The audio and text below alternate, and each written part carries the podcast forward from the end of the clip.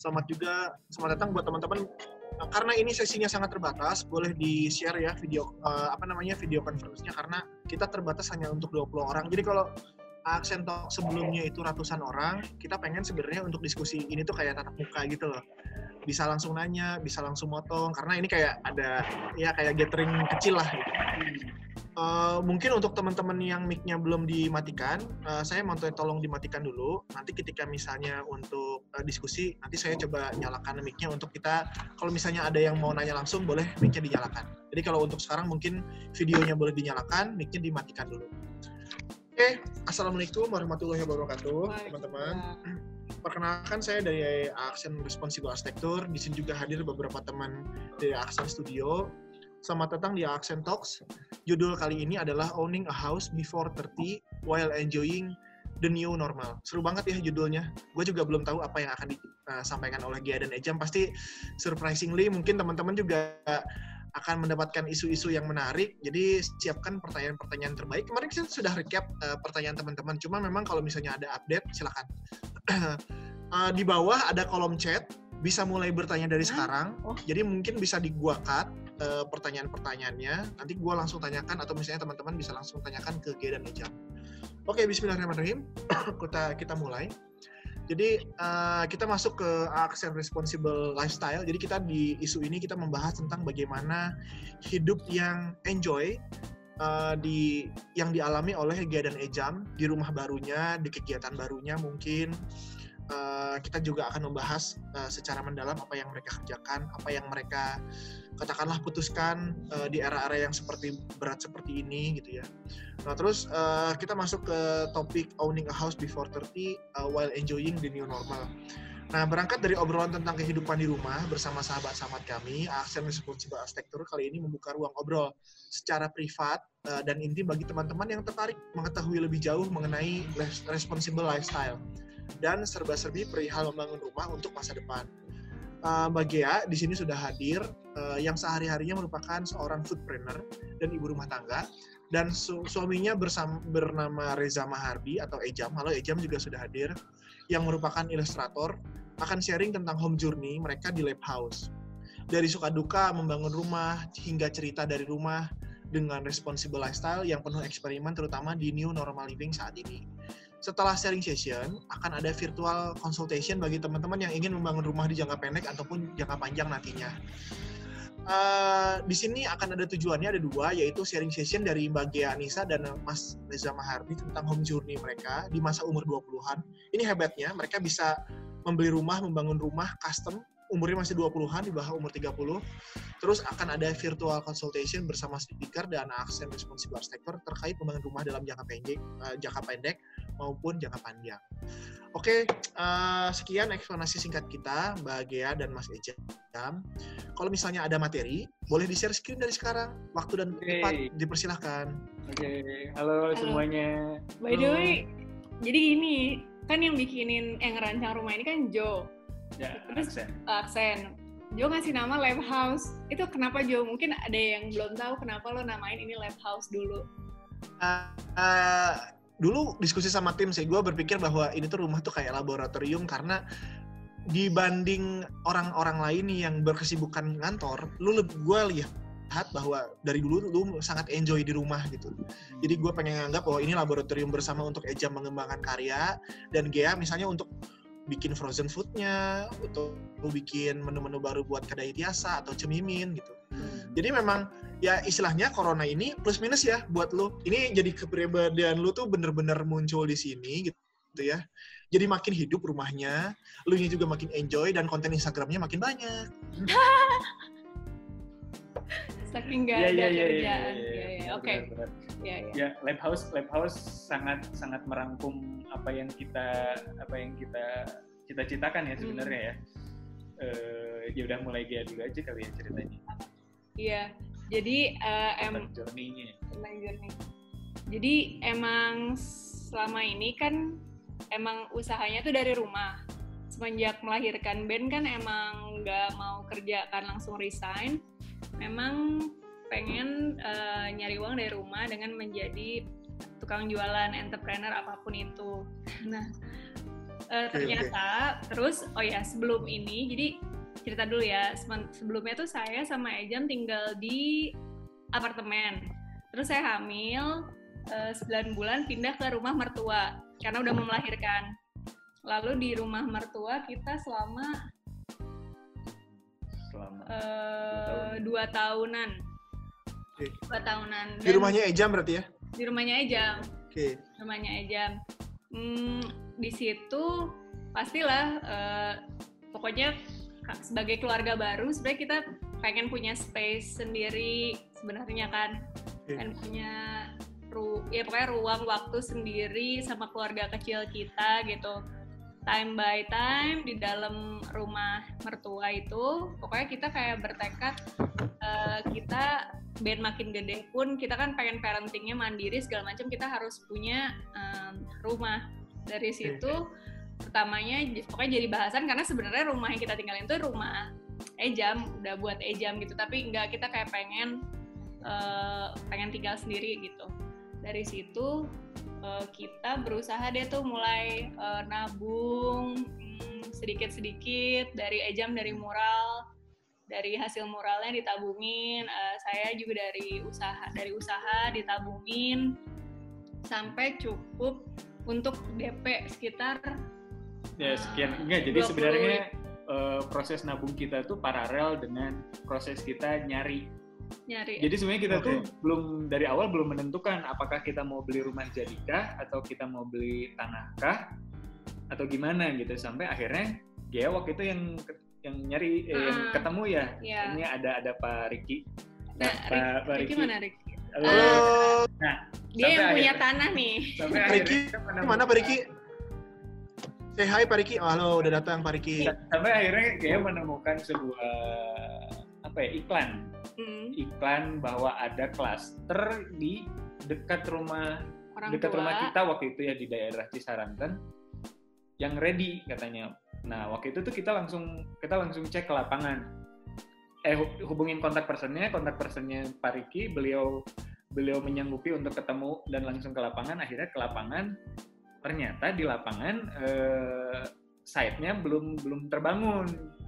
Jadi kita eh, apa ya? Jadi kita ngobrol sama Pak Riki. Ah, Pak Riki kalau misalnya ini di di Kavling ini salah satu rumahnya kita bangun eh, sesuai dengan dengan desain kita apakah memungkinkan gitu waktu itu kita diskusi dengan Pak Riki gitu dan dan dan ternyata bisa. Ah, dan syukur sekali Pak Pak Riki mengabulkan gitu waktu itu tuh. Dengan dibangunnya sama Pak Rikinya sebagai kontraktornya sebagai kontraktor dan gitu. juga pengembang waktu itu. Pak Riki kan pemilik tanah ini gitu kan Hmm. pemilik sekaligus pengembangnya juga gitu.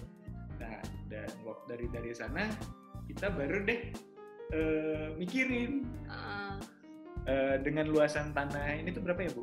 ini 100 meter ya Rik ya 100 meter 100 ratusan 100 meter memanjang gitu jadi 5 kali 20 kali 20 eh, mulai deh itu kita cari-cari akan seperti apa sih jadi paralel juga nih prosesnya akan seperti apa sih outputnya dan kebutuhan apakah yang yang perlu kita yang perlu kita wadahi di dalam rumah ini gitu Hmm. Oke, oke. Siap. Eh, Mas Ejam, kalau misalnya ada bahan yang mungkin dipresentasikan dulu boleh? Oh boleh boleh boleh. Ini sebenarnya eh, foto-foto yang selayang pandang di rumah kita. Tapi saya share screen aja ya. Kita share screen. Hmm, Hmm, ada nggak? Udah aman, kelihatan. Oke. Nah, Siap. Bisa di full screen. oke. By the way wak saya inget banget sih dulu pas nge-DP rumah ini kayak semua rekening kita ditarik uangnya sampai sisa 16.000 buat DP segitunya. Jadi emang apa? Jadi itu yang tadi kan ada pertanyaan Alan, apa yang harus disiapkan? Tekad. Tekad. Berani nggak Iya, nyuci iya. rekening. berani nggak nyuci rekening sampai 16.000 sampai gue ke Indomaret gak bisa bayar waktu itu terus gue cek nah kok nggak ada duitnya ya udah hilang semua Oke. jadi emang ya itu yang tadi kemauan tekad campur nabung sih Nah. nabungnya agak edan untuk sesi presentasi ini kita set maksimal 15 menit ya. Habis itu Oke. mungkin eh, kita buka diskusi buat teman-teman. Silakan. Oke oke oke. Ja- Oke, jadi ini eh, Tadi nyambung sih dari dari setelah kita ngobrol sama Pak Riki, Hmm. maka akhirnya kita langsung Hmm. langsung deh ngontak Aksen, langsung ngontak Jo ah, karena kan suka banyak yang nanya gimana sih cara cara meng-hire arsitek, cara menu cara, mencari arsitek. atau kriteria arsitek mana sih yang cocok gitu Iya. ya itu mah kayak jodoh-jodohan lagi ya Ge ya Hmm, maksudnya eh, alhamdulillahnya gitu kita sama Jo personally udah lumayan cukup kenal gitu jadi Jo juga bisa lebih banyak tahu tentang keseharian kita atau ah, pribadi kita, kepribadian kita gitu. kebutuhan kita, kurang lebih kayaknya Jo tahu dan kebetulan kita juga udah pernah main ke projectnya Projectnya. ya Jo yang dibuat sama Aksen waktu itu Waktu itu. namanya Nor House. Nor House Tuh, ya. Oh datang ya waktu lu open house? Datang. Oke oke. kurang lebih yang kita mau kayak banyaknya pencahayaan alami dan lain-lain tuh Mm-mm. aksen cover gitu dan Hmm. plus kenal jadi udahlah Jo aja. By the way kalau ada yang belum tahu Ejam juga arsitek.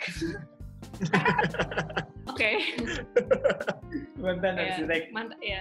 ya pokoknya secara prinsip tuh kita kita cocok sama Aksen dan Jo dan Jo gitu Eh, Jo juga tahu banget bahwa bahwa yang namanya Ejam dan Gea itu eh, apa ya nggak nggak nggak nggak butuh meja kantor Iya. gitu ya nggak nggak butuh nggak butuh Iya. kubikel buat bekerja dan akhirnya kita menggodok menggodok eh, kebutuhan apa aja sih yang bisa kita masukin ke dalam lahan seluas 100 meter persegi ini Hmm.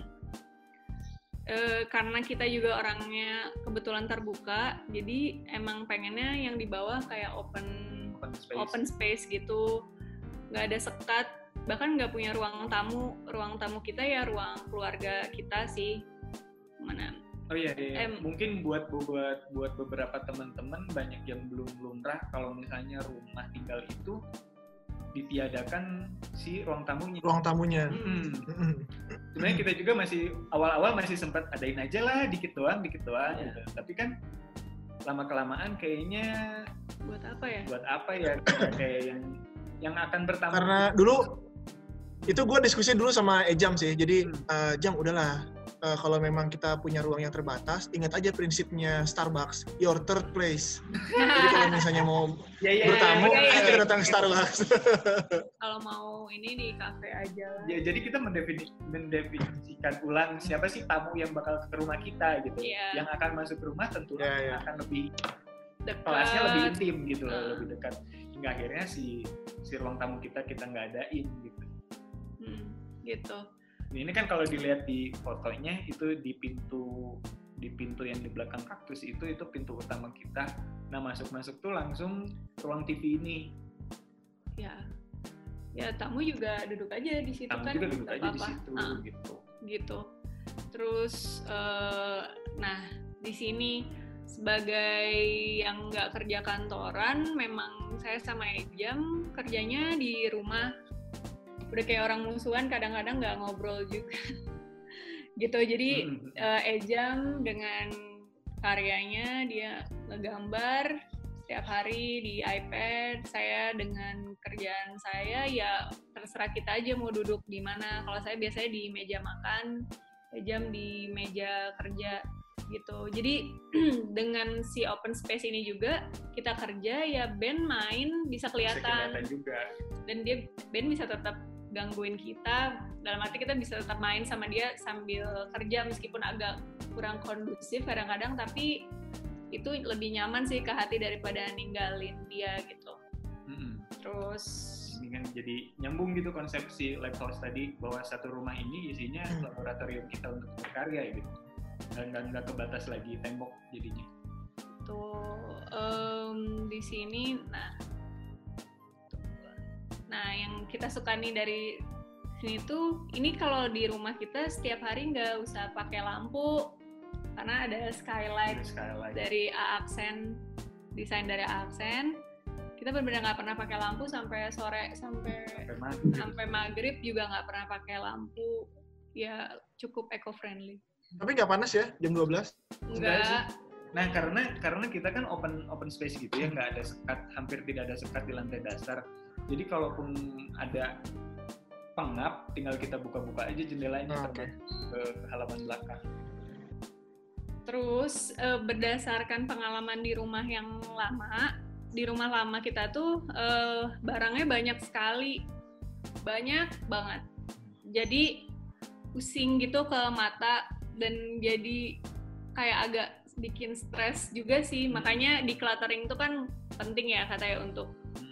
Jadi pas kita pindahan sih jadi ajang kita buat declutter Iya, kita yang kayak dibawa. sebelum pindah ke sini kayak saya jual sama Ejam jual sepatu, kasih-kasih. jual kasih-kasih barang kita, baju, tas, sepatu semua biar apa tuh namanya? biar secukupnya. Biar, biar secukupnya aja di sini karena ternyata apalagi kalau rumah itu dipakai kerja eh, banyak barang tuh sangat ganggu sih. Ternyata Distraksi. distraksi banget sih ternyata kalau semakin minim barangnya semakin nyaman juga kita kerja dan ngapa-ngapain tuh lebih enak aja gitu. Hmm. Makanya di sini kita minim banget barang sih sekarang. Dan semuanya tertutup, nggak ada rak-rak kebuka. Dulu kan kayak bajunya tuh kebuka lemarinya itu sekarang udah nggak. Tadi tuh kan ada yang nanya, saya saya baca sekilas gitu, kayak gaya rumahnya minimalis. Hmm. Hmm, disebut minimalis, kita masih tetap suka hal-hal yang sifatnya ornamental ya. Hmm. Kita cuma lebih ke, ke lebih ke kebutuhan yang paling mendasar aja. Kalau buat buat furnitur yang besar-besar ya, Hmm. buat kabinet segala macam. Minimalis, ya minimalis. Kemarin pun eh, sempet sebenarnya desain awalnya tuh kayak ada balkon gitu dari Ricky ya awalnya. Terus kita coba ganti jadi window seating karena yang udah-udah Untuk, untuk ini ya master bedroomnya. Iya, karena biasanya yang udah-udah balkonnya tuh suka nggak kepake. Kebetulan memang nggak ada yang nger- ngerokok juga sih saya sama Ejam, jadi nggak terlalu apa perlu Sebenarnya sejujurnya jawabannya lebih atau apa bukan buat apa ngerokok ya? apa Karena ya? Buat buat apa ya itu balkon? balkon di kamar utama buat di perumahan di perumahan Tanpa view. tanpa view seperti kita ini unfaedah gitu. Hmm. Jadi waktu itu Joe came up dengan window seating idea gitu. Eh, gimana kalau di apa di master bedroomnya kita jadiin window seating buat duduk-duduk cantik. Dan sebenarnya kalau misalnya ada yang datang gitu kayak paket paket. Nah, iya. Nah, Wow. ya, iya. kerasanya sekarang. Apalagi sekarang beneran dari atas kayak Pak taruh aja di pagar. gitu. Jendelanya gede gitu ya dan satu. Dan eh, ini juga kebetulan hadap timur, jadi kalau pagi-pagi kalau mau berjemur gitu nggak usah Gak Keluar, ribet, jadi tinggal buka tinggal jendela. buka jendela. Alhamdulillahnya dapat yang hadap timur. Mm-mm. Di, Di si- Kavling Parigi ini ada empat rumah dan kita kebagian yang hadap timur ya. Mm-mm. Nah biasanya kayak di spot ini juga kayak jam atau saya suka kerja, baca buku, dengar musik apa ya tetap aja dengan band di sekitar kita Tetap. gitu. Hmm, Karena kita harus berdamai dengan segala ini ya, dengan segala, segala keadaan. Kalau dulu sekarang ya hmm. kerja ada anak ya gimana lagi gitu. Nih Mbak Nana. Nah, eh, Jadi emang juggling banget sih be- between ya itu sih work life balance di rumah. dan kita tuh paling seneng kan tadi ada kegiatan indoor kita kayak gitu ya eh, kerja di meja segala macam. Dan nah di rumah kita ini ada ada ruang ada ada space belakang eh, lebarnya 5 meter panjangnya 5 meter juga. Itu kita sekarang kita jadikan taman taman belakang sekaligus buat eh, jemur pakaian gitu sekaligus buat duduk-duduk. Kalau misalnya kalau misalnya mau ada teman-teman nanti kita belakang gitu atau buat dia olahraga kadang-kadang Buat band, olahraga, buat jemur pakaian, buat apa aja sih sebenarnya all in one. Nah, si lahan sisa ini tuh sebenarnya sudah direncanakan eh, untuk masa depan. Jadi eh, Aksen Joe waktu itu sudah merancang bahwa si space ini tuh nantinya bakal ada bakal ada ruangan dengan fungsi gitu. Yang Kalau nanti ada duitnya. ya ya apa pun itu gitu. Mau itu nanti ada duitnya ataukah Ya, ada anak baru. ada anak baru, uh, udah ada desainnya juga dari Aksen untuk tahap 2 ya. ya mungkin nyambung dari pertanyaan teman-teman apa yang rumah tumbuh Iya. seperti apa sih kalau di lab house nah ini ada ada space di belakang yang memang sudah Iya. direncanakan Tapi ini ada cerita unik nih. oke Si Jo, kita agak berdebat tentang ini waktu itu. Jo nggak mau ada rumput. Jo nggak mau ada rumput, nggak mau ada tanaman. Tapi lu nggak ribet apa gitu-gitu. ya karena waktu itu Jo ininya concernnya Jo pengen apa? Jo, iya Jo concern tentang maintenance. Bener. Iya Jo ya. Ternyata Ejam jadi suka berkebun ya, jadi ya, Ya, bagus. Iya. ternyata saya green thumb. Nah, si corona ini, COVID ini gimana caranya aja kan biar hidupnya agak-agak waras. Kalau saya ke olahraga, kalau si kalau Ejam ya ke gardening ini. Hmm. Tiap hari banget loh Ejam gardening. Dia juga tiap hari olahraga. Ejam main ke rumah nanti ya Jam ya, banyak yang Oke. ini harus dicukur. Ya, ternyata space-space rumah kalau disiapkan dengan baik tuh bisa lo bikin hidup kita tuh balance gitu. Maksudnya bisa-bisain aja, apalagi di situasi sekarang. Ternyata kalau di enak-enak dengan yang kita mau tuh ngaruh banget ke emosional, Hmm. ke emosional ya kita gitu. Jadi hidup berdamai di rumah, Hidup berdamai dengan kondisi rumah. Betul Gitu. sekali. kadang-kadang nih Ben berenang juga pakai kolam karet. Nah, yang tadi disebut minimal minimalis gitu kan ya rumahnya sebenarnya nggak juga. Tuh eh, kita senang juga ada hiasan atau apa tapi memang nggak banyak sih. Oh, tapi kita tuh suka ini keyword dari waktu itu yang diobrolin kerja juga. Kita tuh suka tentang kejujuran, tentang kejujuran form, kejujuran material. Jadi it is at it is gitu. Jadi kayak misalnya kalau kayu ya kita pakai kayu gitu elemen kayu. Kalau misalnya batu ya kita liatin bentuknya batu gitu, enggak yang enggak yang mirip-mirip jadinya. Hmm. Jadi jadi material utama di rumah kita sih kayu. Jadi coklat, putih, abu, hijau. Uh, Itu gue suka banget Ben lagi berjemur di depan. Nah, Nah, itu. itu itu buka pintu. asli itu anugerah banget apalagi katanya selama covid nih harus banyak berjemur tinggal buka pintu dia udah diem aja di situ makanya seneng banget sih bener-bener yang disebut home journey itu ya bener-bener disyukuri banget lah di, di, di sini menyenangkan banget eh, menyenangkan banget so far buat bandnya Di lantai bawah, di lantai bawah kalau mau lihat paket-paket gitu gimana? Harus buka pintu nggak?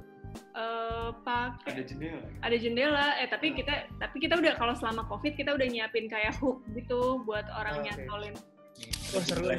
Sorry guys. Nah, tuh pertanyaannya Mas Imam tuh kelihatan tuh katanya Ya, diminta walkthrough. paket di situ. Nah, Dibuka pintu sini.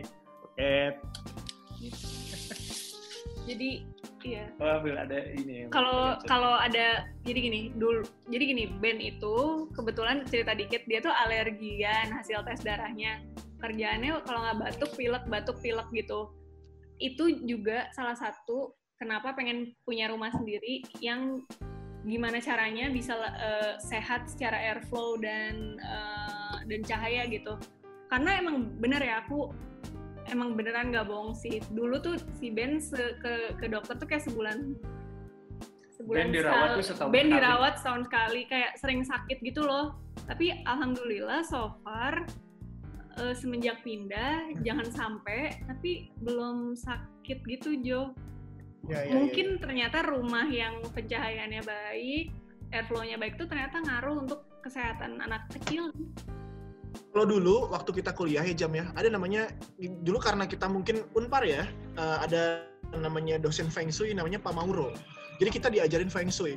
Cuma yang kita ambil positifnya, Feng Shui itu sebenarnya bukan mistis atau mitos gitu atau klinik.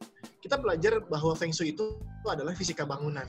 Yap. Jadi bagaimana mengatur udara, cahaya masuk ke dalam, gimana bangunan supaya nggak debuan, itu tuh semua diatur. Jadi bisa dibilang rumah lu tuh adalah Feng Shui-nya bagus. Iya. ya, amin ya, Alhamdulillah. tapi emang bener-bener kerasa soalnya Karena rumah yang bagus itu punya ci. Ci itu apa sih? Ci itu energi. Energi kebaikan. hmm, Amin. Amin. Tapi bener ya itu sebagai ibu gue ngerasa banget sih si Ben di sini lebih baik gitu. Ternyata ngaruh rumah tuh ngaruh, Ya, ya, ya. lingkungan tuh ngaruh. Gitu. Terus apa lagi nih? Nah, ini Oh, ya. kalau mau lihat skylight di rumah kita. Ini persis di atas sofa di atas sofa apa depan TV. Kalau lihat ke bawah kayak gini. Se se se hambur-hamburan itu cahaya di rumah ini. Ini udah ada skylight, ada lagi glass block di pinggirnya karena rumah kita nih kebetulan belakang sampingnya banget itu beranghang dan ada lahan yang memang belum dibangun. Jadi nggak sama sekali nggak ketutup banget cahaya. Liatin dong glass blocknya yang rare. Gue juga belum Oh glass ya, ini nyari glass block setengah mati karena kita pengen nggak mau ada motifnya meskipun cuma kayak ombak-ombak kelihatan gitu. kayaknya di sini ya. Iya, gue aja nggak dapet. Gila lu. Jadi ini bener-bener plain nyari sampai ke Bogor gitu. Diangkut kayak mahalan ngangkutnya daripada glass blocknya nggak apa-apa lah. Aduh, aduh, aduh. Sorry. Gitu. Oke, oke.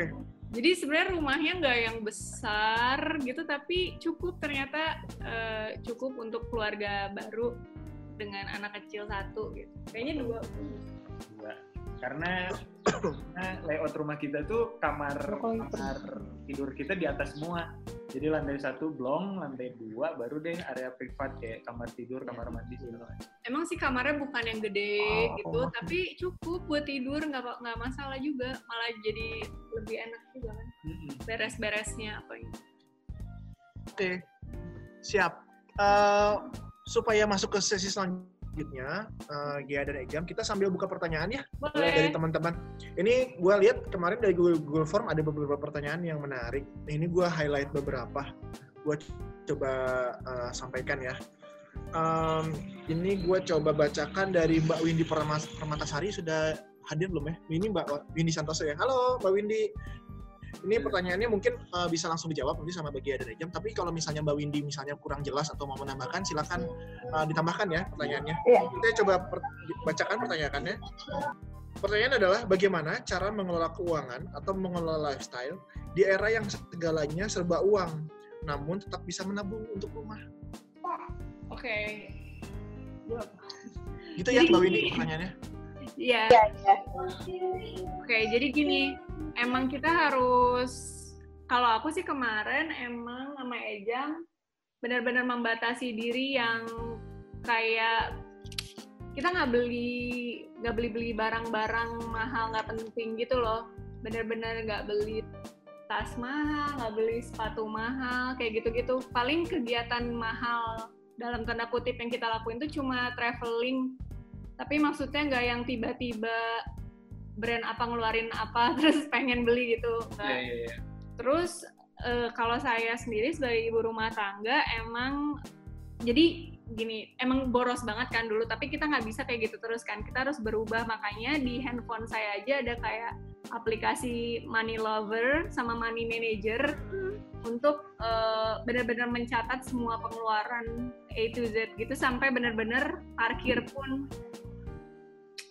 Parkir mall gitu kan lumayan ya bisa tiba-tiba 21.000 ribu atau berapa terus kayak pengeluaran-pengeluaran GoFood. Jadi kita udah tahu ketika eh, hari itu misalnya ya udah 200 ribu apa udah dua- udah 300 ribu sehari udah kayak stop. Udah nggak usah pesen GoFood nggak usah pesen apa kalau perharinya tuh udah udah mencapai maksimumnya gitu kebayang nggak sih? Kecuali kalau ya ada yang urgent seperti band eh, sakit dan lain-lain. Terus kedua kita juga semenjak semenjak waktu itu Ben pernah dirawat kayak cuma DBD gitu. Terus kayak habis 29 juta akhirnya besoknya kita semua apply asuransi jiwa saya Ejam sama Ben. Jadi itu juga penting karena ternyata setelah itu Ben dirawat dua kali. Kalau misalnya dua kali dirawat lagi keluar lagi uang tanpa asuransi itu Mungkin beda ceritanya. mungkin beda ceritanya ya. Uang buat DP rumah pakai lagi. Jadi si asuransi jiwa buat keluarga itu di, dilengkapin gitu emang bete sih kadang kayak bayar tapi kan belum tentu dipakai tapi tapi lebih bete tuh kalau ntar pas kena tau nggak ada ruginya juga nanti kan buat uang apa pertanggungan buat warisan band gitu. Terus eh, apa lagi ya? Terus oh ya ini kita tuh kayak punya hobi nge-declutter barang-barang yang nggak perlu lewat OLX gitu. Eh, itu lumayan loh. Kayak apa pun yang lo kira nggak laku laku Iya, iya. Itu gue mengalami sih, asli asli. asli sesimpel ada, ada yang transaksi toke Jo 10 miliar. kayak gue jual dot bekas dot bekas punya band mini Jumi laku Si- siapa yang mau beli dot bekas gitu tapi Hmm. ada jadi Hmm. dan itu pun kalau LX nggak usah heboh fotonya tinggal kayak asal aja burem pun orang nggak masalah gitu Iya, iya, ada iya. jadi jadi ada banyak Berarti- gitu lah. Yang ke satu lu jago di cluttering, yang kedua sebenarnya lu jago jualan aja sebenarnya kayak. Karena Ya. gue ada beberapa Ya. yang nggak laku-laku juga di OLX nih. Salah berarti kayak keywordnya nih. Kayak sebenarnya baik baik saya ataupun Gea, kita tuh punya punya lifestyle yang gak suka beli beli barang-barang apa ya yang kayak barang-barang apa kayak misalnya aduh pengen baju ini gitu tuh paling paling Paling paling, jarang gitu. paling nggak pernah malah pengen beli baju atau pengen beli apa tapi kita tuh lebih pengen ke apa ya kita kalau dibilang borosnya kita tuh lebih ke leisure Hmm. ke makanan Experience. Nah, Ya, lebih ya, ke lebih ke experience. experience. Nah, dan seben- sebenarnya kalau misalnya budget buat experience kan kita udah merencanakan gitu. Ya, ya, ya. ya. sama itu ya coba deh catat yang expenses itu lo akan shock gitu satu bulan kayak ternyata tidak gue apa-apaan terus bulan depannya udah lumayan memperbaiki diri terus nanti Oke, aduh oke. masih bablas nanti memperbaiki diri lagi gitu Itu uh, Mbak Windy kira-kira ada yang mau ditanyakan lagi nggak? Atau sudah cukup jelas? Ah, cukup sih. Siap. cobain bu money lover Iya, iya. Makasih banyak. Ini saya tanyakan lagi ya pertanyaan selanjutnya. Eh, ini A Imam nanya beberapa hal. Oh, ya, Kalau di eh, forum beliau menanyakan hal yang ini menurut gue menarik sih pertanyaan. Oke. Dari semua pilihan hunian, desain dan cara memilikinya, di titik mana kamu bilang this is it dan kenapa? Nah, terus kalau dari eh, pertanyaan dari A Imam, dia tadi beliau tadi request walkthrough dong beberapa sudut rumah. Mungkin yang menarik-menarik tadi udah diliatin beberapa pintu yang depan. Iya. mungkin misalnya tadi Ejam bisa geser sedikit nih ke, Ya, ya, misalnya ke bagian taman untuk ngeliatin fitur-fitur gitu. Ya, ya, boleh, boleh. boleh. terus uh, kebetulan ini juga pertanyaannya sudah dijawab oleh Mas Riki langsung. Tadi pertanyaan adalah rumah custom di Kavling yang beli dari pengembang. Ini prosedurnya gimana jamak apa enggak dan tips and trick. Gue mau cerita sedikit bahwa dulu waktu uh, Ejam dan Gia kontak gue, dia bilang bahwa beli satu tanah yang udah akan dibangun. Pertanyaan gue adalah, ini sebenarnya udah ada baku peraturannya, atau memang sebenarnya kita di satu komplek yang sangat saklek kayak di kota baru, karena itu fasadnya nggak boleh berubah. Bagian belakangnya berubah. Dan sekarang pun sebenarnya gue bisa cerita bahwa denah dan bentukan yang sudah ada pun sebenarnya gue hanya merubah dari segi experience aja dan fungsi. Karena kalau kita detail-detail kita ngomongin sebenarnya gue nggak banyak berubah sih. Karena memang secara denah dan lewat itu sudah menarik. Itu insight dari gue mungkin tadi pertanyaan dari Aimam uh, bisa dilanjutkan oleh Mas Gia eh Mbak Mbak Gia dan Mas Ejam ya. Ya, Mas Gia boleh jawab. ya gitu apa tadi pertanyaannya? Pertanyaan emang ka- kapan kamu tahu eh, ini this is it gitu desainnya? desainnya apa tanah Nggak, kan kan udah udah udah ngedesain nih, udah ngedesain terus kapan this is it-nya? Oh ini udah udah stop nih. karena gini Oh, Kalau- boleh ditanya oh, ke boleh, Jojo boleh. juga Iya. kalau misalnya kita merupakan klien yang tidak neko-neko sama sekali. sama sekali tidak neko-neko padahal gue juga mikir aduh Ejam nih kayaknya arsitek nih pasti BM enggak sama sekali teman-teman. Karena gini kalau kita nggak ngelok nggak ngelok ngelok desainnya terus aja itu lihat Pinterest terus aja lihat Art Daily itu tuh nggak nggak kelar kelar Hmm. nggak jadi jadi rumahnya jadi Waktu itu waktu itu kita nge-share sih, nge-share beberapa pin ke Jo, ya eh, beberapa beberapa referensi yang kita referensi suka yang kita highlights gitu. Ah. Dan beberapa keyword yang kita perlu tekankan untuk Hmm. di rumah kita gitu mengenai mengenai apa ya kebutuhan ruang yang apa ya ukurannya segini aja cukup Jo gitu Iya, kayak misalnya ya gitu. ya ya ya materialnya gini aja Jo. Nah waktu itu tuh kita pegang teguh banget ya soal Hmm. list apa aja sih yang perlu kita jadi eh, dan tentang si desain itu kayak lebih ke desainnya udah karena emang kita emang nyetop aja karena referensi itu nggak akan pernah berhenti keinginan itu selalu ada Hmm, tapi kan kita juga sesuaiin ke budget sama waktu kan hmm. jadi udah gitu kayak tutup mata kita di aja sisi waktu itu karena kita kita punya beberapa Maksudnya pin kurang lebih misal kita maunya gini udah gitu. ngomongin fasad kita punya beberapa pin kita lemparin ke Jo Jo kasih kasih beberapa opsi kita langsung tunjuk this is it Uh, oke. karena eh, karena basically ya udah ini udah Iya. terpenuhi gitu kita juga nggak mau yang Gitu Kalau- Aimam, kira-kira uh, kalau secara desain kan uh, Gea dan Ejam sudah menjelaskan. Mungkin dari Aimam ada pertanyaan tambahan nggak atau ada yang kurang dimengerti atau mau share ada kendala misalnya? Kalian- ya, Aimam iya. ada Aimam juga lagi bangun kosan. Wah mantap. Uh, guys, uh, thank you jawaban-jawabannya dari Pak Riki juga, dari Ejam, dari uh, Gea. Um, dari segi lokasi mungkin ya, yang mungkin tadi belum kejawab banget. um, apa justru kan itu yang paling mendasar ya kayak di sini nih gitu wah ini nih uh, oke banget. Terus kan sampai mendatangkan arsitek itu juga gimana prosesnya gitu apa namanya kenapa ngerasa perlu sampai uh, mendatangkan arsitek? Dan uh, kalau sampai harus mendatangkan arsitek tapi dengan lokasi gitu nah itu gimana tuh um, apa namanya proses putusannya gitu? Eh, mengenai lokasi kalau lokasi karena idealnya karena kita deket di sama orang tua uh, jadi kita tuh se- sepengen itu tinggal sendiri, sepengen itu nggak tinggal sama orang tua, gimana caranya? Tapi pengen tetap bisa Pengen- dekat pengen dan ngunjungin gitu. Karena kalau jauh-jauh juga jadinya kan nggak bisa ngunjungin kan.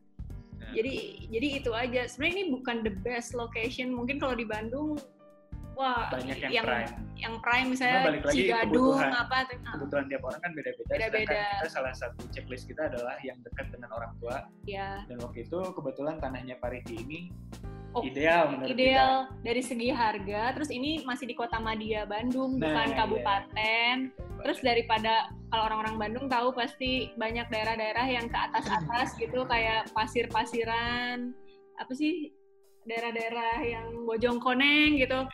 Ya kita nggak nggak mau yang ke atas-atas kayak pengen tetap di bawah di maksudnya di area masih bisa accessible Ah, gitu. Gojek lah GoFood gitu gitu.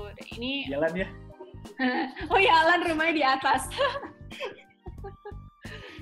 Jadi itu. Oke oke. Aiman aman ya berarti ya jawabannya ya. kenapa arsitek Sambil kita diskusi lagi kalau misalnya ada yang kurang. Arsitek Eh, kenapa karena kita butuh karena kita butuh orang yang lebih pro ahli dalam detail Iya. gitu maksudnya yang lebih mikirin needs kita Iya. lebih detail Ka- karena ini rumah kan kecil, tanahnya juga kecil. Maksudnya bukan rumah yang gede gitu. Kalau sampai salah desain tuh sayang banget sih. Maksudnya kita udah capek nyari duit sampai rekening sisa 16.000 ribu ya kan. Maksudnya udahlah sekalian aja gitu. meski kecil tetap Oke, Meski kecil tetap nyaman. siap. Eh, boleh lanjut ke pertanyaan berikutnya ya, ya dan Ejam. Ini pertanyaan dari Sally. Halo Sally sudah hadir. halo Shell halo Kebetulan Lena. Sally juga, juga Sally juga arsitek nih. Halo Lena. halo Lena Ini ada pertanyaan dari Sally nih, gue coba tanyakan karena beliau arsitek eh, dan Hai. mungkin lebih jago dari gue, jadi teknis-teknis. Udahlah kita nggak usah bahas teknis. Kita bahas tentang bisnis dan kaitannya dengan corona. Ini menarik nih karena tadi kita ngomonginnya selalu desain, teknis gitu ya. Ini pertanyaan yang menarik dari Sally yang gue coba highlight adalah untuk saya yang anti nyicil, karena ketakutan akan bisnis yang tidak menentu, apalagi dengan pandemi gini, terbukti mengerikannya cicilan. Apakah ada tips and trick dari Gea dan Ejam? Gitu ya Sally ya pertanyaannya. Oke. Eh, iya emang lagi susah tapi tapi kalau kita bro ini klise sih tapi kalau diusahain itu sebenarnya masih bisa kalau misalnya kayak Tiasa eh, kita jadi atau Cumin jadi punya frozen food kan. Terus sebenarnya tetaplah di balik corona yang sucks ini tetap masih banyak hikmahnya. Jadinya kita punya konsumen di luar Bandung misalnya sekarang. Ya, ya, ya. memang kalau omset dine in gitu eh, saya di tahap saya di tahap nggak mau lihat laporan harian. Kayak bodo amat gue cuma mau peduliin frozen food. Saking emang se- se- sejelek itu. Kayak kita juga lagi ada kita juga punya ini kan Airbnb buat disewa-sewain. Tiga bulan ini kosong. Eh, Mas Ali, nihil? sama sekali sama sekali. Sama eh, Sally juga punya kan? Sally nilai bagus banget. Dahem dahem apa sel? 90. nah itu. Bisa dicek Instagramnya bisa dicek Instagramnya bagus banget. linknya di bawah sini. Sering dipakai syuting Eh, ya maksudnya ini memang masa-masa sulit. Tips and triknya adalah ya udah maksudnya kita hidupnya juga semakin secukupnya aja ya. Pengeluaran juga ja, benar-benar diperketat gitu.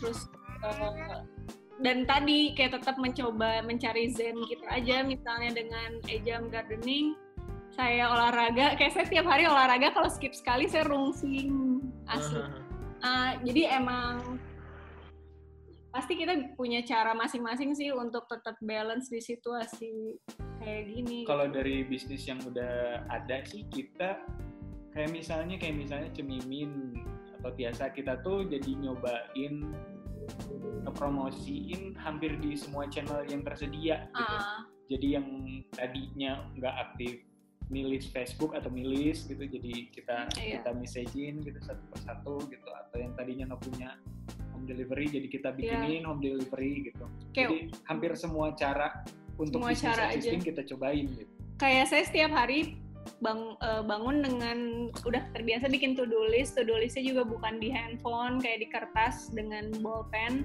itu tuh harus benar-benar diselesaikan setiap harinya mau sambil main mau sambil masak mau sambil ma- apa pun itu to do list harus beres. Salah satunya misalnya ya nge-DM public figure vi- via akun Tiasa gitu. Misal iya beneran kayak li- minimal sehari tuh lima. Siapa tahu ada yang nyangkut. Kayak saya juga nggak pernah mikir gimana caranya sih itu Tiasa bisa dimakan sama Andin apa si Giwi Mala idola saya gitu. Kalau nggak gara-gara corona saya nekat DM Eh, maksudnya jadi ya si corona ini emang memaksa kita keluar dari zona nyaman. dari zona nyaman dan kayak push our limit aja. Kayak bener-bener ibaratnya saya kayak jual diri bukan jual diri sih kayak nawar-nawarin via DM itu tuh saya nggak pernah lakuin kalau nggak karena mas, bro. corona gitu. Oke, tapi kalau mau dibilang kalau mau dibilang sekarang sepi gitu ya ternyata sebenarnya masih ada loh eh, uang di Iya. warga-warga sana. Kan sudah dilihat ya di video-video yang di pasar baru ternyata ada loh Iya. ternyata ada loh belanja belanja tuh. Tapi ya tapi memang ternyata tanah abang penuh guys. Ternyata masih Iya. penuh ya udah berarti tinggal ya udah kita tetap jualan aja gitu kita tetap persisten gitu. Iya, apa yang kita lakuin. Iya. iya iya. Nah ini saya mau bertanya ke Mbak Seli sekarang halo Mbak Seli ini kalau sekarang pertimbangan yang nggak mau nyicil nih kenapa nih? Apakah dari pertimbangan syariah non syariah atau ya gue takut aja gara-gara bisnis gue nggak stabil nih sekarang gitu? Eh, sebenarnya ya itu sih takut. Ya itu pemasukannya kan tidak pasti tiap bulan. Ya itu eh, ya, dan berapa persen sih amannya dari dari pemasukan kita baiknya si cicilan ini kayak aku tuh mikirnya eh, apakah lebih baik si uangnya kumpulin dulu eh, untuk akhirnya nanti beli cash gitu. Hmm. tapi emang pasti lama sih ya kayak gitu. Itu ideal banget Shell. Itu udah mah riba tapi keren banget. Kan Shelly Joska oh iya oh iya kan kamu? Weh, nih keren banget ini nge-hire Joska untuk mengaudit keuangan dia. Wow keren. Ya, lumayan sih kebantu banget itu. Kalau Iya. enggak kayaknya masa kayak gini nggak bertahan tuh gua. Berapaan oh ya sih? tapi boleh di share Em, sekitar 20 kalau salah setahun untuk tahun pertama. Setahun 20 jutaan. Untuk tahun pertama. Itu untuk yang daim ya? Eh, enggak semua. Jadi ya oh oke. keluarga aja kita punya apa wow. kita berarti kita leng- harus lengkap juga ya data keuangannya ya untuk dia audit hmm. Ya, ya, ya. Gimana boleh cerita sedikit nggak, eh, Sel, yang di Daheim sekarang istilahnya strateginya seperti apa untuk menghadapi era yang seperti ini? Apakah tetap dibuka tapi dengan protokol yang super bersih atau ditutup dulu atau keadaannya gimana sekarang? kalau sekarang ini sih masih tutup karena memang eh, permintaannya juga ya tidak ada ya kan mereka itu kebanyakan juga kan yang datang dari Jakarta selama ini tuh nah, Iya. sekarang mereka nggak bisa masuk Bandung ya pasti nggak ya ada sih beberapa yang nanya kebanyakan prewed gitu ya tapi paling nanti di Juni gitu. benar-benar benar seru dan banget ya itu harus mikirin protokol kebersihan yang mana memang ke depannya pun setelah setelah beres Ya, lockdown ya, ya. setelah beres corona ini harus nyiapin protokol itu Kan biasanya ya, ya. Mm-mm. karena kasihan juga yang jaga di sana dia takut juga iya iya benar benar benar benar. Pak Riki juga kan ada Tokyo Kubo eh. oh iya Traveling. Tokyo Kubo Pak Riki gimana? Pak Riki boleh cerita sedikit nih. Terima kasih juga bu- sudah banyak jawabin yang di chat nih. Boleh cerita sedikit mungkin apa yang di Terbaik. eh, apa ya solusi sekarang gitu. sangat helpful. Ini mau jawab pertanyaan yang mana dulu nih?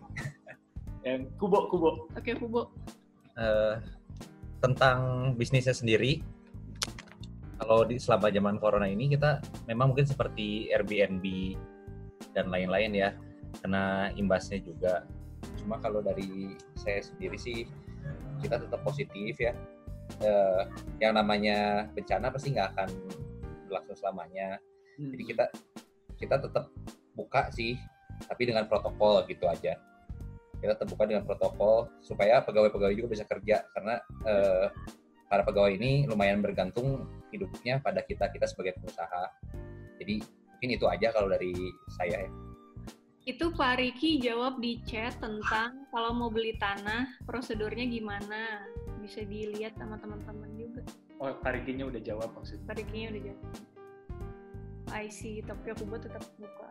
Tapi benar. Kalau bisnis develop- developer gimana Pak Riki dan kontraktor? Apakah masih bisa berjalan sekarang atau dibatasi ya? Kalau developer dan kontraktor kan masuknya eh, sektor konstruksi ya Pak. Kalau kebetulan itu boleh boleh jalan dan kita pun eh, puji Tuhan masih ada proyek-proyek baru gitu. Karena eh, buat kami di sektor konstruksi meskipun sekarang lagi corona tapi saya percaya orang-orang tuh masih punya dream, masih punya sesuatu yang mereka planning untuk lakukan setelah corona. Jadi ya mereka tetap ngebangun, tetap juga melakukan perbaikan entah itu untuk rumahnya atau bisnisnya. Itu aja sih. Oh, oke oke. Untungnya Pak Riki sekarang udah ada beberapa backup bisnis ya selain konstruksi gitu supaya Hmm. bisa nge-backup yang lain. Iya betul betul. Eh, kalau dari bisnis sendiri eh, mungkin kayak Bu Gia dan Pak Ijem juga udah tahu kita karena eh, bangun relasi juga kita ada beberapa bisnis di bidang kos-kosan di bidang Hmm. perhotelan juga sama ya developer dan kontraktor gitu ini kita ngelakuin ini supaya tujuannya kita buka lapangan kerja buat orang sih saya percaya kalau kita memikirkan orang lain, kita buka pintu berkat buat orang lain, berkat tuh ada buat kita. Itu aja. Setuju. Aduh, mantap, mantap. Setuju. Gimana THR aman semua? THR aman? Aman dari sini. Aman. Aman. Ini arsitek-arsitek kemarin lagi pada video lagi pada gini nih. Mi, ini Michelle ada yang nanya nih. Hai Cel, Michelle. katanya nih Halo, Michelle.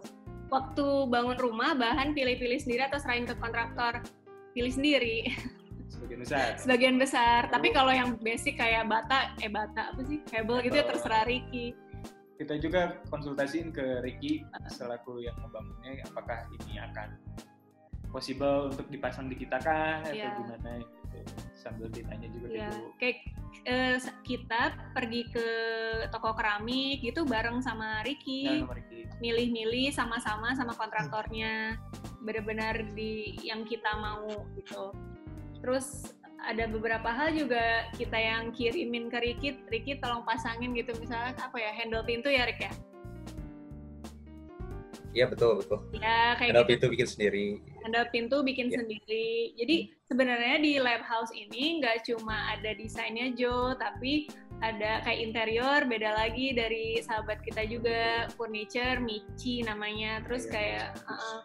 Kayak pintunya emang daun pintunya dari Pak Riki tapi handle-nya dari teman kita juga yang bikin. Jadi emang kolaborasi banyak pihak gitu. Misalnya kayak pagarnya pun dari temannya Jo juga eh, Kasani gitu dari studio Aliri. Oke, mantap. gitu. Jadi ya itu. Jadi bahan-bahannya tuh ya kita milih bareng-bareng terus dikolaborasiin juga sama teman-teman kita sendiri. Yang ini bikin ke mana yang ini bikin ke mana gitu Ya, ya, ya. ya. biar seru aja nah Oke. Ini yang yang manis-manis nih, Ge ya. Gue pengen lu menciptakan sesuatu yang lu harus hadapi sekarang yang berat, tapi lu ada solusinya. Ada nggak sih yang lu hadapi sekarang? Karena menurut gue, ya gue juga mengalami yang pahit-pahit dan semua orang yang pahit-pahit. Ini kayak vitamin buat semua orang. Apa yang lu hadapi sekarang, terus bagaimana lu menghadapi itu dan solusinya gimana? gi- spesifik di Tiasa ya Tiasa kan baru. Hah. terus baru buka cabang kedua di Antapani. Eh di cabang kedua. Terus corona ya udah tutup gitu. Ya udah karyawan gue dirumahin satu. Karena emang omsetnya belum mencapai kayak si cabang pertama orang baru juga gitu. Ya, itu tutup for good atau uh, temporer ya? kalau ditanya nih detik ini nih gue rasanya nggak pengen buka. Hmm.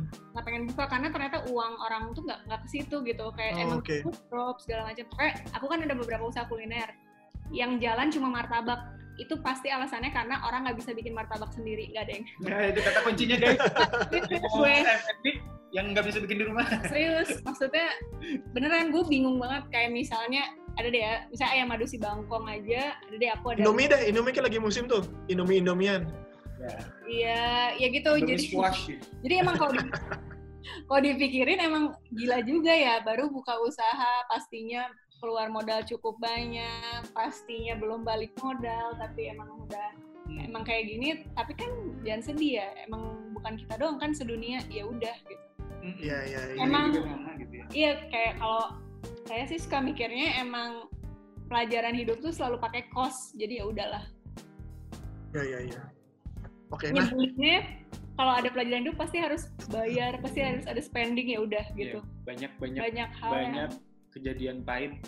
Jadi gini, kita tuh sebenarnya sekarang lagi di kondisi bleeding gitu, lagi lagi berdarah. hmm, Nah, kita tuh harusnya cepet-cepet tahu di mana sih eh, lokasi kita berdarahnya dan Iya, cepet-cepet kita di- di- tutup. di- gitu. ditutup, ha. Cepet-cepet kita cut kalau misalnya itu berhubungan Iya. dengan cost apalagi. Nah, Jadi- kemarin juga kalau dari Cemimin sih banyak eh, merumahkan beberapa karyawan gitu. Bahkan apa ya, Cemimin baru buka juga kan ya di Cijambe. iya Sampai akhirnya tadinya tiga cabang, sekarang jadi cuma satu cabang.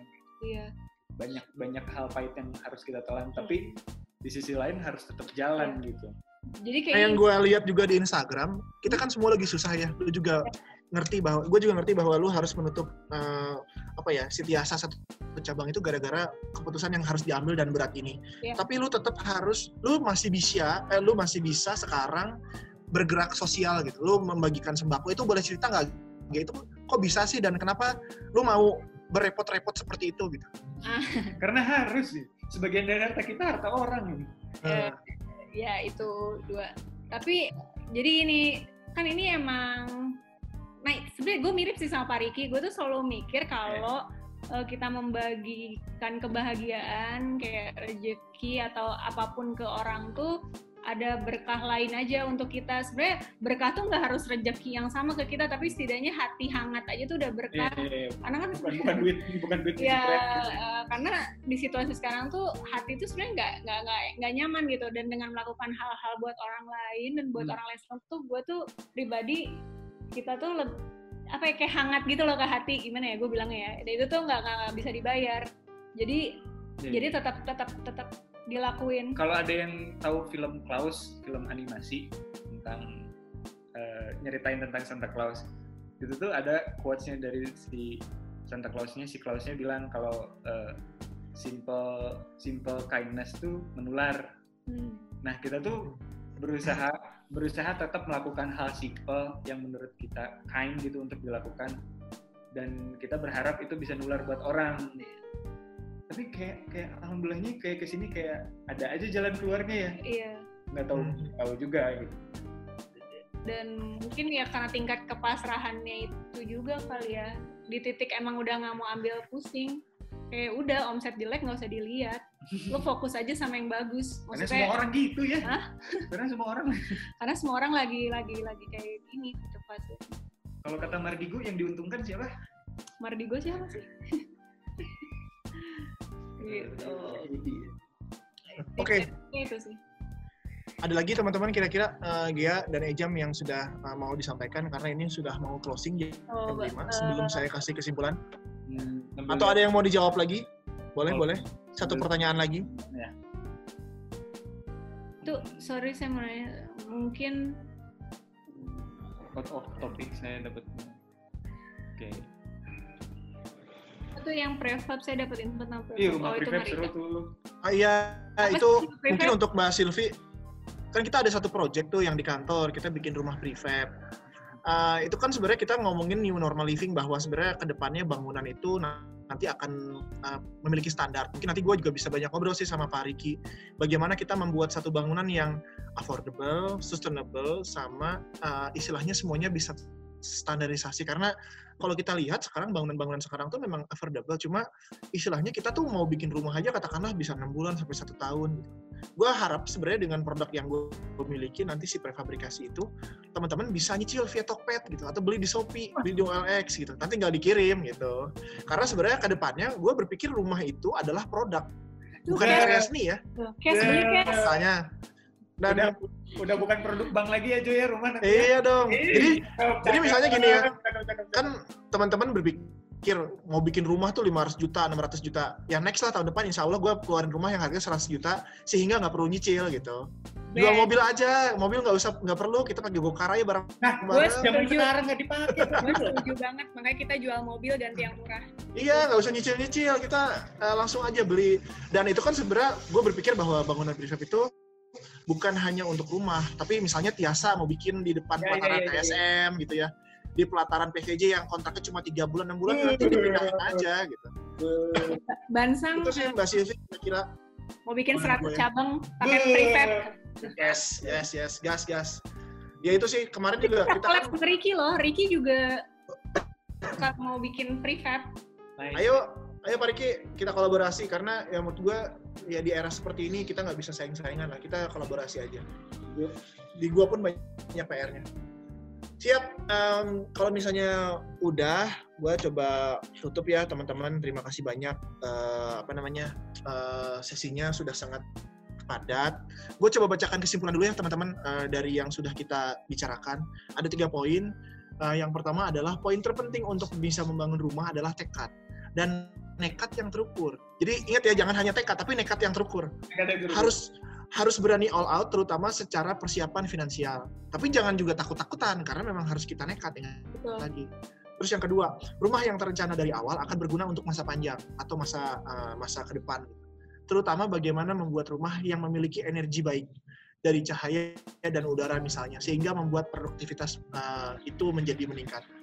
Terus yang ketiga yang terakhir kesimpulannya adalah di saat new normal ini hubungan kita dan rumah akan menjadi lebih dekat. Jadi rumah itu jadi anak kedua. Jadi band anak ke satu, lab house anak kedua. Iya. Menarik agar kita membuat rumah hidup kita saat ini agar jadi lebih nyaman sehingga hidup tetap lebih jadi positif dan optimis. Gitu ya kira-kira kesimpulannya. Thank you. Nah. Terus em, di saat terakhir ini mungkin minta kata kalimat penutup dong dari di, eh, Gea dan Ejam buat teman-teman yang sudah hadir. Terima kasih teman-teman yang udah Terima kasih banyak yang udah meluangkan waktunya untuk ngabuburit. semoga ada manfaatnya. Walkthrough sebentar mungkin nanti ya. Da- eh, tapi Ayo boleh boleh boleh. Nah sebelum walkthrough aja. eh, kita foto bareng dulu ya teman-teman. Jadi yang teman-teman belum dinyalakan videonya, kita minta supaya nyalain videonya supaya nanti bisa kita share fotonya di grup teman-teman ya. Terus terus. Ayo kita nyalakan videonya. Nah kan cakep-cakep lo. tapi lebih ke kebon. Halo Gilbert. Wah masker terus nih, higienis nih, warung sombar semangat. Mantap Roa sama cakalangnya. oh. Oke Za, boleh diarahkan fotonya. maskernya buka Ya. dong Mbak. Mbak Silvi sama Mbak Rizky mau dinyalain Mbak Silvis. sama Mbak Ayla Hamdani. Halo Mas Riki satu lagi lagi di planet ya kayaknya ya. Itu lagi di mana di Margahayu kayaknya. Wow, lagi di planet. Oke, satu, Oke. dua, tiga.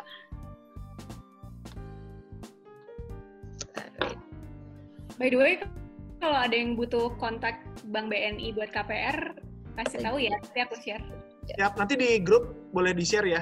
Itu gue udah gue bikinkan grup. Nanti mungkin kalau Oke. misalnya ada pertanyaan-pertanyaan yang Cakep. bisa ini, ya kita bisa ngobrol lebih laut, lebih lanjut lah. Karena ya di saat sekarang pun gue kan makhluk sosial ya. Ketika nggak bisa teman ngobrol ya susah. Mungkin dengan adanya diskusi ini kita jadi lebih lanjut berteman, lebih jauh Ya. gitu kira-kira. Oke, So, eh, pertanyaan dari requestnya A Imam ya. Boleh dong sedikit walkthrough si rumahnya. Oke. Masih jam. Iya lah ketahuan gue belum Ini beres nih. saya aja biar Gea yang jadi model. Jadi kita walkthrough dari depan aja ya. Oke, oke. Dikit. Gue paling suka handle pintunya sih. Micin ju juara di kayunya. Tutup dulu ceritanya. Oke guys, sekarang kita lagi di luar guys. Eh, aduh gini rasanya jadi apa? Ayo guys, kita unboxing rumahnya guys. Begini guys. Rumahnya kecil, tapi cukup enak. Tuh. Kan masuk, terus udah langsung ruang tamu. Eh, ruang apa sih? Ruang TV. Nah, ini tuh kita secara spesifik minta ke Jo buat ada buat ada ruang ruang perantara antara ruang luar sama ruang dalam yaitu berupa selasar yang kita tiru dari rumahnya Nobita Ah, iya buat buka sendal. Jadi kalau lihat ke sana tuh naik ke lantai dua. Terus buat na- naruh sepeda, pokoknya benda-benda yang jangan maksudnya Ya ada gitulah. motor Maaf tapi ya, di rumah. Namanya new normal kan? Gitu. Ini ruang TV tadi, kalau itu kan langsung keluar. Ini kalau lihat ke atas begitu.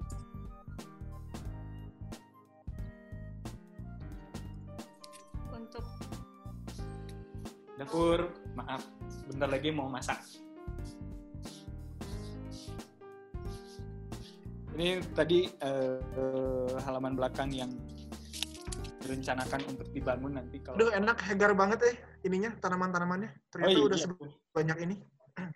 ini kayaknya tiap minggu belanja nih. Wow, enggak. alat-alat kebersihan dan cucian tuh. Ya. Wah, rapi Itu. banget, mantap. Itu kalau dilihat dari belakang kayak di tempat syuting Parasite Wah, bener-bener. bener. kalau ke atas begitu paling lihat ini ya window seating Ah iya. Ini oh iya ini toilet ada jadi toilet ada tiga meskipun rumahnya kecil toiletnya ada tiga tapi yang ini untuk kayak tamu Tamu atau aja. kita pipis doang gitu sesuai sih fungsinya Toilet aja, sesuai aja. kebutuhan ada shower? Terus kalau misalnya tadi kan ke atas. Atas. situ. Jadi hampir tiap sudut rumahnya kena cahaya alami sih. Bandnya di mana band ya si Bennya lagi ke rumah nenek. Oh. Dekat nih ini rumah Ben. Eh rumah Kamar- Ben kamar, Ben. kamarnya band Wow. kecil tapi cukup. Mau ngapain gede-gede kan? Susah beresinnya. Oh kayak gitu aja. Nah ini kamar kita yang yang tadi ada si window seatingnya itu. Gitu. Asik banget ya jemuran di sini. Jemur oh iya iya Jemuran kalau pagi-pagi. Oh. Nah, jadi ya ya itu kayak misalnya kayak gini aja sudut ini eh, didesain sama Jo, jendela gitu-gitu dibikin sama Pak Riki, tapi untuk window seating sofanya ya ke orang interior. gitu Ini ini ini sih glass block yang polos nggak ada di Bandung katanya gitu. Ya belum nemu eh. Simple, kecil tapi cukup kok buat keluarga baru. Yang penting tinggal mandiri sendiri. Tujuannya Siap. Nuhun juga ya Pak Riki sudah dibikinin bangunan yang bagus, super detail. Nuhun juga buat Michi, buat Sani, pagernya, kolaborasi dan eh, Mamang Kebon, Mamang Kebon luar biasa, jadi bagus banget. Tanamannya indoor dan outdoor. gitu. Gitu sih, eh, teman-teman. Sesi formalnya udah kita lakukan selama sejam. Alhamdulillah, eh, apa namanya, sangat menyenangkan ya. Saya juga jadi terakhir ke sini sekitar dua bulan lalu sebelum corona dan ternyata banyak berubah, jadi banyak improvement karena yang mungkin banyak diberi hati ya rumahnya dan diberi nyawa sehingga jadi Gea dan Ejam banget gitu. Terus em, nanti Gea dan Ejam juga nanti saya add ya di grup WhatsApp-nya ya si Accentox yang Lab House ini. Jadi mungkin kalau teman-teman mau nanya lebih lanjut bagaimana proses KPR yang istilahnya bunganya fix, yang tidak tidak riba gitu ya. Terus mungkin sama Ejam bisa nge-share. Riba tetap kayaknya tapi ya lebih lebih sedikit murah lah bunganya Eh by the way kemarin gue juga kan KPR ini ya, eh gue tuh refinancing terus gue ke BCA. Yang pertama gue lakukan adalah gue juga tidak, gue memilih eh, bunganya yang flat, tidak floating. Dan yang gue tanya, gue nanya lagi, Mas saya itu sebenarnya punya orang tua yang sangat Islami. Gimana ya cara yakinkan orang tua saya bahwa ini tuh tidak riba? Ya udah Mas, saya ketemu aja. Terus saya ketemu sama saya temuin nih orang yang bang, bankernya ini BCA ke orang tua saya terus sampai orang tua saya bilang, "Iya, yang kamu lakukan itu tidak riba." Iya. Kok bisa?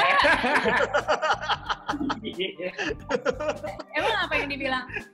Enggak, jadi dia jadi ternyata si bapak yang yang istilahnya kreditur ini sangat haji banget, sangat islami banget dan dia bilang bahwa bu akad itu ada macem-macem. Jadi kalau misalnya kita menganggap bahwa ini adalah akad mudarobah ya yang yang semuanya serba flat dan ditentukan untungnya di awal, itu sama seperti kita tuh berjualan. Contohnya gini ya jam ya, gue jual jam harganya seratus ribu ya, itu harganya bisa tiga. Jadi kalau misalnya gua jam jual langsung, lu jual bayar cash, itu seratus ribu. Tapi kalau lu bayarnya dua kali, itu bisa jadi 150 ribu. Kenapa? Itu adalah untung yang ditarik ke awal gitu. Nah itu prinsip bank juga seperti Iya. itu dia bilang gitu. Nah terus gue bilang, ya alhamdulillah kalau gue boleh kredit ya. Dan terus gue lanjutkan sampai sekarang gitu. Jadi balik lagi ke niatnya sih. Ya, Gua juga- Pencerahan banget sih. ya. Ya udah. Itu sih, jadi kalau misalnya ada teman-teman yang kontra dengan ucapan gue, ayo kita diskusikan. gue juga masih banyak belajar, gue banyak kurangnya teman-teman. Uh, mudah-mudahan uh, tadi yang gue sampaikan tidak ada yang melukai hati teman-teman. Kalau misalnya ada salah-salah, gue juga mohon maaf. Uh, dengan ini kita tutup ya teman-teman Aksen Talks yang dengan judul lumayan panjang nih. Owning a house before 30 while enjoying new normal. Semoga jadi referensi yang baik buat teman-teman. Semoga ngabuburit ini juga berfaedah ya uh, buat teman-teman juga. Eh, di kala sebelum Lebaran ini kita dari Aksen mengucapkan mohon maaf lahir batin. Banyak banyak salah pisan buat dia dan Ejam juga mohon maaf. Mohon dimaafkan buat Mariki buat Sani buat eh, Michi yang apa namanya yang ikut pembangunan rumah ini. Eh, terima kasih juga buat teman-teman yang sudah hadir. Eh, terima kasih juga buat tim Aksen Talks ya. Selamat Lebaran. sehat selalu itu Lena. ya. Jangan mudik dulu kita stay safe aja di rumah Netflix internetan nikmati IndiHome ya teman-teman Itu gak dan- mas, pacaran pakai masker nih Gilbert. Dokter Nenoy. Ya udah. Makasih. ya kita tutup ya teman-teman assalamualaikum warahmatullahi wabarakatuh Waalaikumsalam warahmatullahi wabarakatuh.